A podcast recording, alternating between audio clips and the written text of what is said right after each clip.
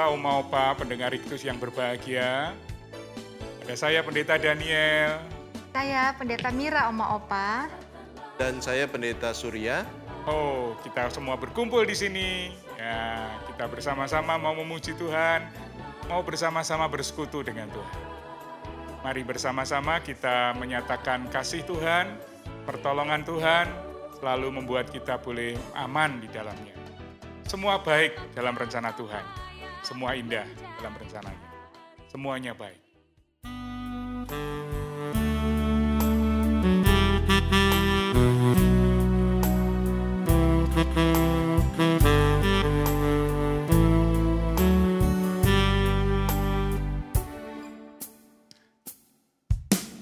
Dari semula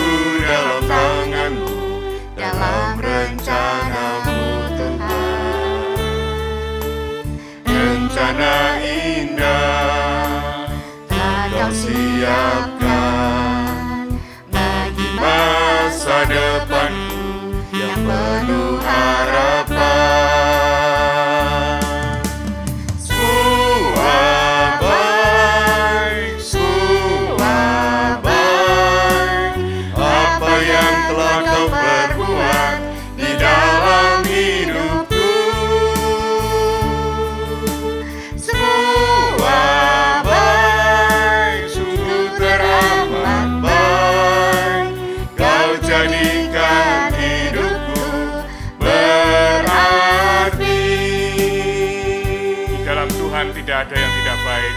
Anugerahnya senantiasa menyertai kita semua.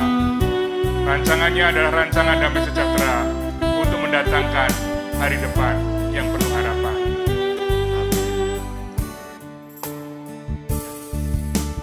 Dari semula Telah kau tetapkan hidupku dalam tanganmu, dalam rencanamu Rencana indah telah kau siapkan bagi masa depanku yang penuh harapan.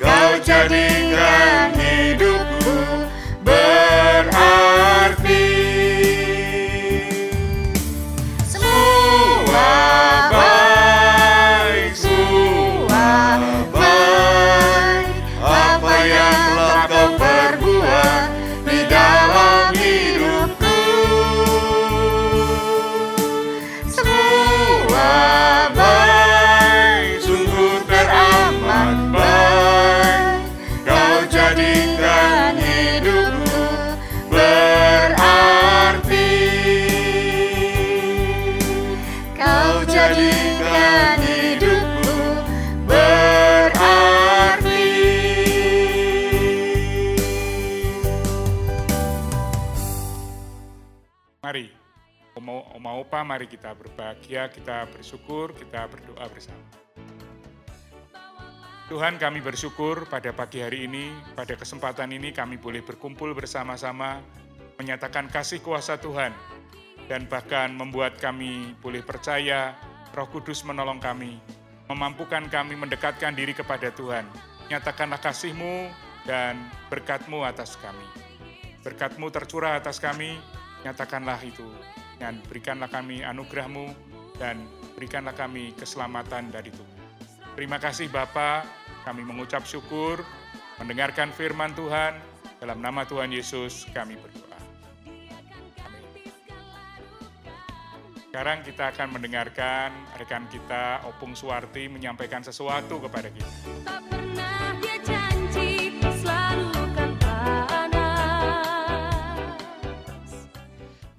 Shalom Bapak Ibu pendengar Radio Iktus.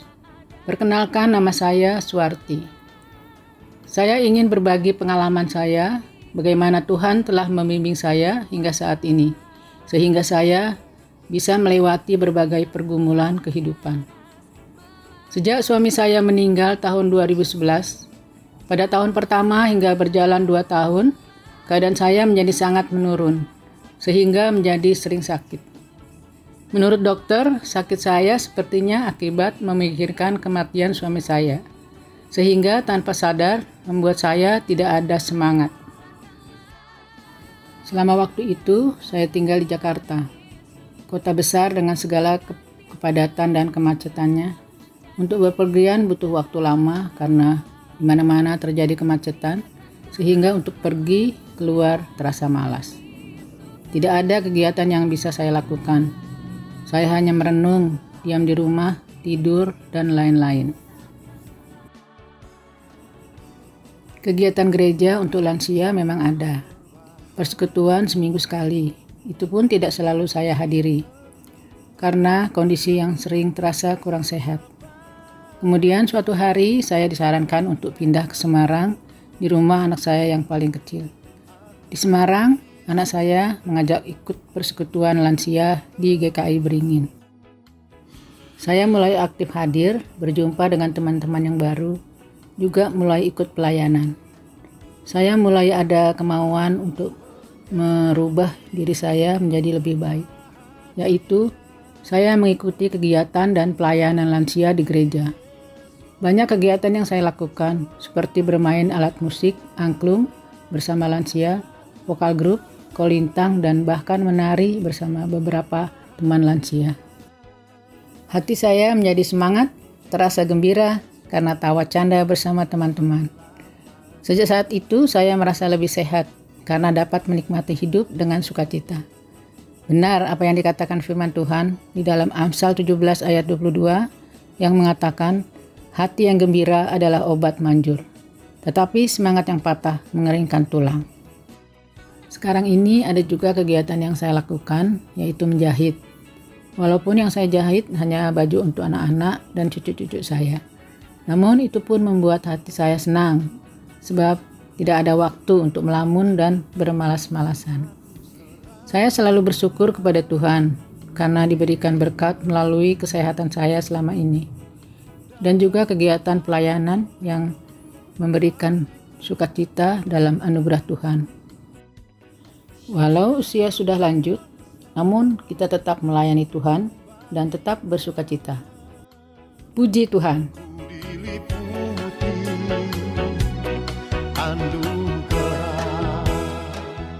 Sekarang tiba waktunya kita mendengarkan firman Tuhan.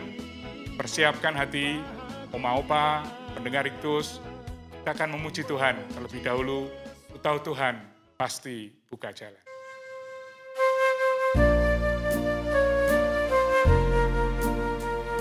Tahu Tuhan pasti buka jalan.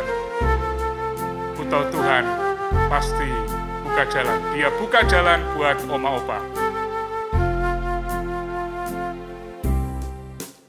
Kau Tuhan pasti buka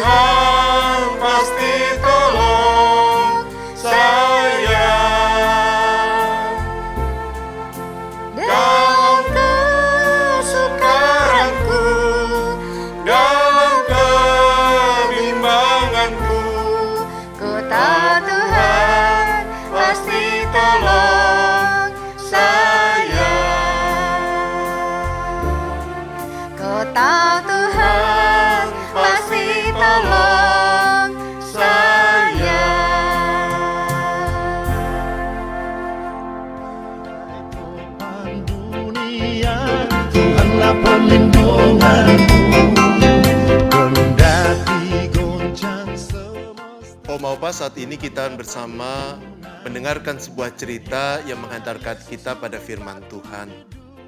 Pada suatu hari, Pak Daniel dan Pak Surya sedang berjalan-jalan bercakap-cakap.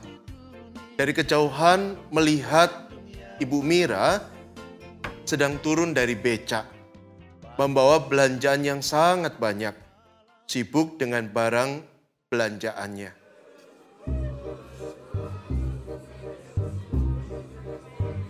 Waduh, berate ampun, ampun. Waduh, waduh. Se- Lu, eh, eh, ada Pak Daniel. Pak Surya toh. Pak, Pak. Kok mengangkat sendiri-sendiri toh Bu Mira? Ayo Pak Surya, kita bantu. Tidak, maaf, saya nggak bisa bantu. Loh, kok gitu? Anak muda itu harus sergap, apalagi melihat ada orang yang membutuhkan bantuan. Jenengan kan sehat kuat toh. Enggak Pak Daniel, maaf, enggak. Mari kita bantu Bu Mira. Oh jangan, jangan Pak, jangan. Gak usah, gak usah, gak usah Pak Daniel. Saya sudah biasa mengangkat sendiri. Gak apa-apa Bu Mira, mari saya bantu. Jangan, jangan toh. Saya kan udah bilang jangan. Nanti malah tumpah itu Pak. Tangan Bapak itu juga mungkin sangat kotor. Tangan saya bersih Bu Mira. Aduh, jangan Pak, jangan. Jangan loh. Jangan, saya bilang jangan loh. Nanti kalau terjadi kekurangan belanjaan saya, saya nggak enak loh. Kalau nuduh Pak Daniel yang ambil. Marahi saya susah ini. Harus naik becak lagi ke pasar untuk komplain di penjualnya. Dah jangan nyampuri. Jangan sentuh barang-barang belanjaan saya Pak. Bapak ini opo ngenyek, dikira saya nggak bisa ngangkat sendiri.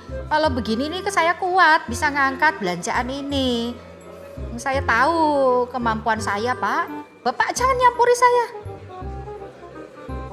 Loh, bukan begitu Bu Mira. Nah betul toh Pak Daniel, itu tuh sebabnya saya nggak mau bantu. Sebenarnya saya ini sebagai anak muda ya pasti mau bantu. Tapi sudah kapok, kapok. Berulang kali ditolak kalau mau tolong. Bukan cuman Bu Mira, hampir semua orang tua kalau mau saya bantu pada gak mau. Malah jadi masalah, jadi ribut, jadi salah paham. Saya dikira ngenyek lah, ada maksud jahat. Pura-pura mau bantu tapi mau nyolong. Bahkan pernah tuh, saya malah dituduh belum menurunkan barang, semua barang belanjaan. Katanya kurang satu bungkus. Lalu saya disuruh lari, kejar Pak Becak yang sudah pergi setengah jam yang lalu. Lah cari di mana Pak Becak itu? Nama, alamat, nomor KTP-nya aja saya nggak tahu. Wes lah, wes kapok saya itu Pak Daniel. Membantu tapi saya malah kena masalah. Saya sudah tahu kok, orang tua itu nggak percaya anak muda. Bu Mira ini ya, kalau Pak Dan mau tahu, sudah berulang kali ku beritahu bahwa belanja itu nggak perlu ke pasar. Apalagi Bu Mira itu selalu aja ada yang lupa dibeli. Nah Bu Mira lalu cari becak lagi ke pasar lagi. Wong cari becak zaman sekarang ya susah. Kalau saya bilang naik angkot, Bu Mira, Bu Mira bilang anak muda suka desak-desakan. Ya takut. Tapi kalau mau dibantu anak muda, ya belum apa-apa sudah bilang. Jangan bikin saya tambah bingung. Saya tahu kok cara naik bus, naik angkot. Lah ya angel toh Pak Dan kalau gitu terus. Kalau ada kelupaan belanja yang memang harus balik ke pasar. Itu Pak Surya. Ah Pak Daniel apa belum tahu? Nih Pak, pakai HP, tinggal tutul-tutul bisa order. Atau telepon penjual langganan kita di pasar, lalu penjual di pasar bisa kirim daging, udang, sayur, apa pun. Mereka pakai Gojek, tinggal bayar ke Pak atau Bu Gojek. Waduh, Pak Surya. Saya itu bukan nggak percaya petunjuk Pak Surya. Masalahnya kalau pesen lewat Gojek atau melalui telepon ke penjual langganan saya di pasar. Apa ya, barang pesanan saya bisa tiba utuh? Dan apakah bisa tiba tepat waktu? Wong mau masak aja kok dadak nunggu sek. Lebih cepet kalau saya tuh langsung ke pasar. Anak-anak muda memang pinter. Tak akonilah. Tapi maaf ya, masih kurang pengalaman. Gerusa-gerusu, emosional. Nah, ya toh Pak Daniel. Angel tenan. Loh, ndak angel loh ya. Orang-orang tua itu nggak angel Pak Surya. Mudengan kok, mudeng. Jenengan ngomong sini mudeng. Masalahnya, ya dari hati dan dari pikiran kami memang sulit percaya anak muda itu. Kenapa nggak bisa percaya? Post power syndrome ya Bu? Takut kekuasaan para orang tua diambil? Lah setiap masa kan ada orangnya. Setiap orang ada masanya Bu Mira. Nggak bisa tuh seseorang bekerja sepanjang masa. Kasihan juga generasi muda ke depannya kalau selalu nggak dipercaya, nggak diberi kesempatan, nggak diajari bekerja. Tentu aja kami ini bisa melakukan kesalahan.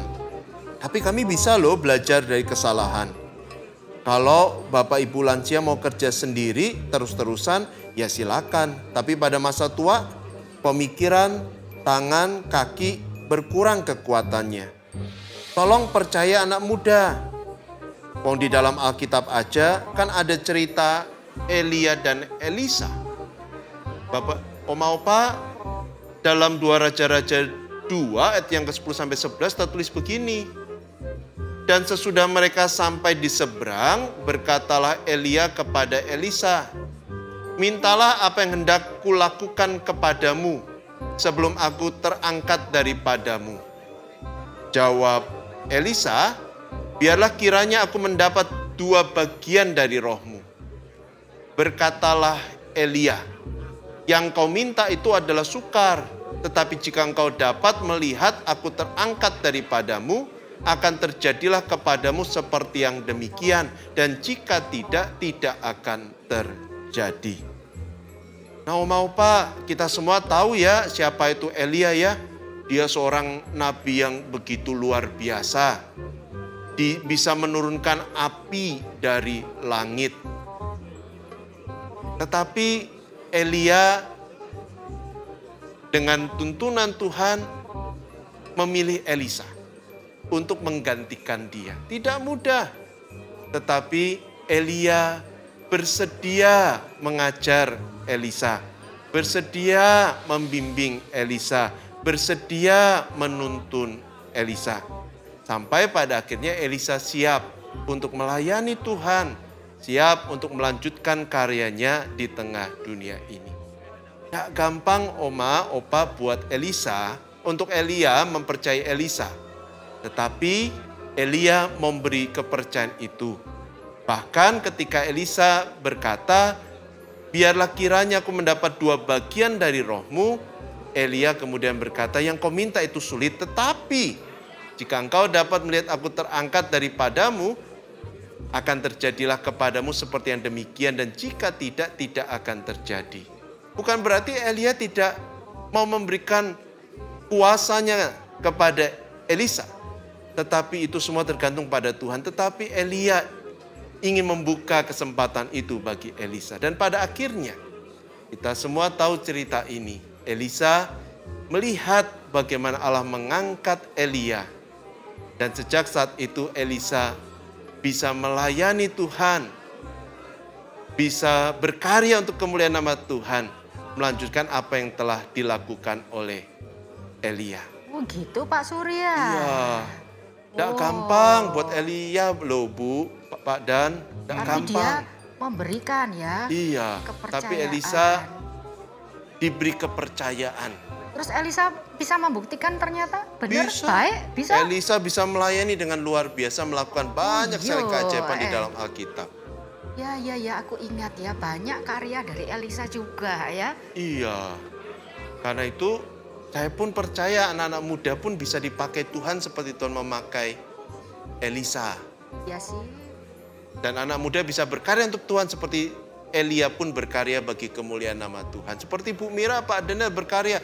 Anak muda pun juga bisa berkarya Amin. untuk amin. kemuliaan nama Tuhan. Karena itu yang perlu dilakukan hanya memberi kepercayaan dan memberi ruang bagi anak Jangan dilarang-larang ya Pak. Biar kalau Ya, mau iya. nyampuri ya. Biar kalau mau menolong ya. Ya, Baiklah, baiklah Pak Surya. Maksudnya. Saya mau belajar untuk itu. Oma opa juga semua ya. Kadang-kadang memang anak muda itu ya ada yang kebangetan, tapi ya banyak yang baik juga sih. Dan kalau mereka mau nolong, kadang-kadang orang tua nggak mau. Cobalah percaya ya, ditolong gitu lah. Kita enteng, juga anak muda belajar dari sana ya Pak Daniel. Betul Bu Mira. Oke Pak Surya. Saya takut Tuhanlah perlindunganmu Ya Yesus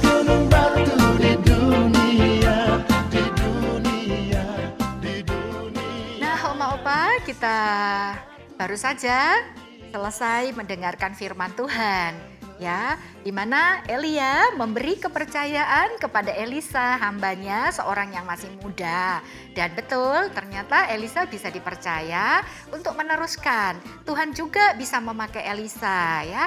Mari kita semua belajar berapapun usia kita, kalau kepada yang lebih muda dari kita, kita yuk kasih kesempatan, kasih untuk dia belajar, untuk eh, rela juga, untuk sabar ya, dan supaya dengan demikian eh, generasi bisa berlanjut lebih baik, juga anak-anak Tuhan. Oma opa, mari kita sekarang berdoa ya. Bapak Sorgawi, kami terima kasih untuk firman yang sudah kami dengarkan bersama. Tolonglah kami dan semua pendengar siaran Radio Iktus pada saat ini, supaya kalau kami sebagai lanjut usia, kami belajar ikhlas bahwa sekarang generasinya ganti. Bukan kami yang harus terus berkarya, tetapi kami sekarang waktunya untuk mensupport, mendorong, eh, mengajarkan dengan sabar, memberi kesempatan supaya anak muda juga bisa berkarya. Mungkin mereka sangat ingin menolong kami karena sangat sayang kepada kami, tapi menjadi salah paham oleh karena kami sering merasa kuat dan tidak perlu dibantu. Ditolong itu adalah penghinaan bagi kami. Betapa keliru kami, sebab ditolong itu berarti kami disayang oleh orang-orang muda. Semoga kami bijaksana dalam hidup ini dan belajar menerima kenyataan, lalu berbagi, memberi kesempatan, dan mau juga dibantu, ditolong. Dengan demikian, mungkin hasilnya bisa lebih besar, lebih baik. Berilah kami hikmat Tuhan. Kami kalau selaku orang muda yang sedang mendengar siaran Radio Iktus juga saat ini, tolonglah supaya kami orang muda tidak putus asa, tidak kurang akal caranya untuk terus mendampingi menolong orang tua, untuk sabar juga, sebab kadang-kadang memang sulit bagi orang tua untuk mempercayakan sebuah pekerjaan, apalagi modal besar yang dulu dengan susah payah dirintisnya. Banyak memang juga anak muda yang teledor dan sok tahu dan gagal, tetapi tidak semuanya. Oleh karena itu, biarlah sebagai orang muda, kami tetap menopang orang tua kami. Mungkin orang tua kami kurang menyadari bahwa penurunan kemerosotan terjadi, tetapi eh, biarlah kami dapat menjadi teman yang baik, sahabat yang mengerti, sekaligus anak dan generasi muda yang benar-benar cintanya teruji kepada orang tua, tetap hormat, tetap eh, melakukan apa yang bisa kami lakukan, terutama tetap mendampingi, menemani, menghibur, dan membantu orang tua kami. Kiranya yang tua dan yang muda dalam berkat Tuhan. Dan kami doakan semua pendengar siaran Radio Iktus supaya makin diberkati Tuhan, sehat sejahtera semua. Kami doakan untuk para penyiar dan semua saudara-saudara kami yang melayani di Radio Iktus. Tuhan juga pakai mereka yang muda dan yang lanjut usia supaya terus maju di dalam Tuhan dan siaran Radio Iktus makin berkembang, makin menjadi berkat besar. Kami doakan semua bangsa terutama Indonesia dan juga semua gereja terutama GKI Beringin dan Persekutuan Komisi Usia Lanjut GKI Beringin kiranya dalam naungan kasih sayangmu. Dan turunlah berkatmu atas kami semua, kebaikan terjadi, kasih sayang Tuhan makin nyata, kemurahan, penghiburan kekuatan dari roh kudus, menopang kami dan menuntun langkah hidup kami. Terangmu bercahayalah atas kami semua. Dalam nama Bapa, Anak, dan Roh Kudus. Amin. Marilah Oma Opa sebelum acara interaktif yang akan dipandu oleh Pendeta Daniel Budiono, kita akan nyanyikan nyanyian penutup terlebih dahulu. Kau angkatku. Saat ku terjatuh dan tak berdaya, kesesakan menghimpit jiwaku, namun aku tetap menantikan Yesus dan dia pasti datang untuk memulihkanku.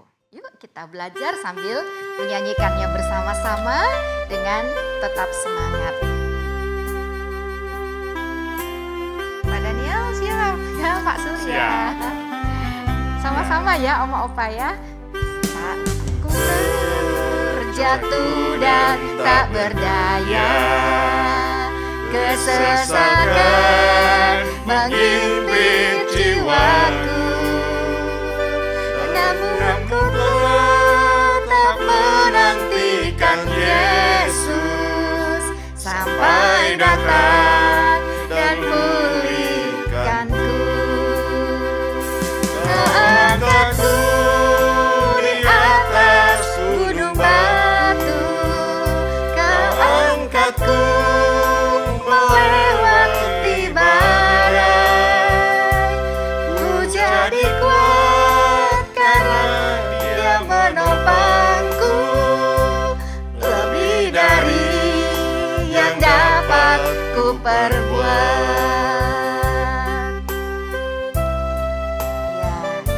kita terjatuh, kita tidak akan dibiarkan ya.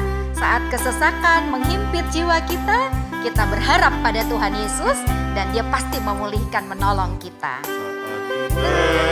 Terjatuh dan tak berdaya Kesesakan menghimpit jiwaku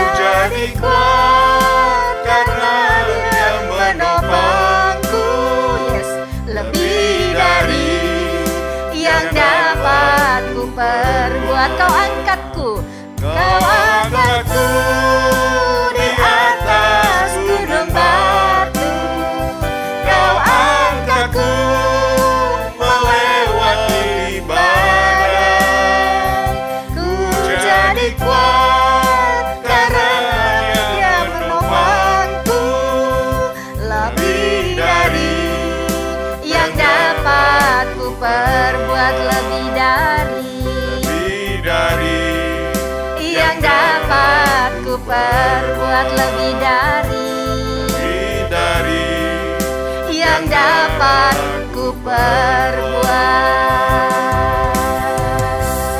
Yes ya, amin ya. Sampai jumpa lagi Oma Opa.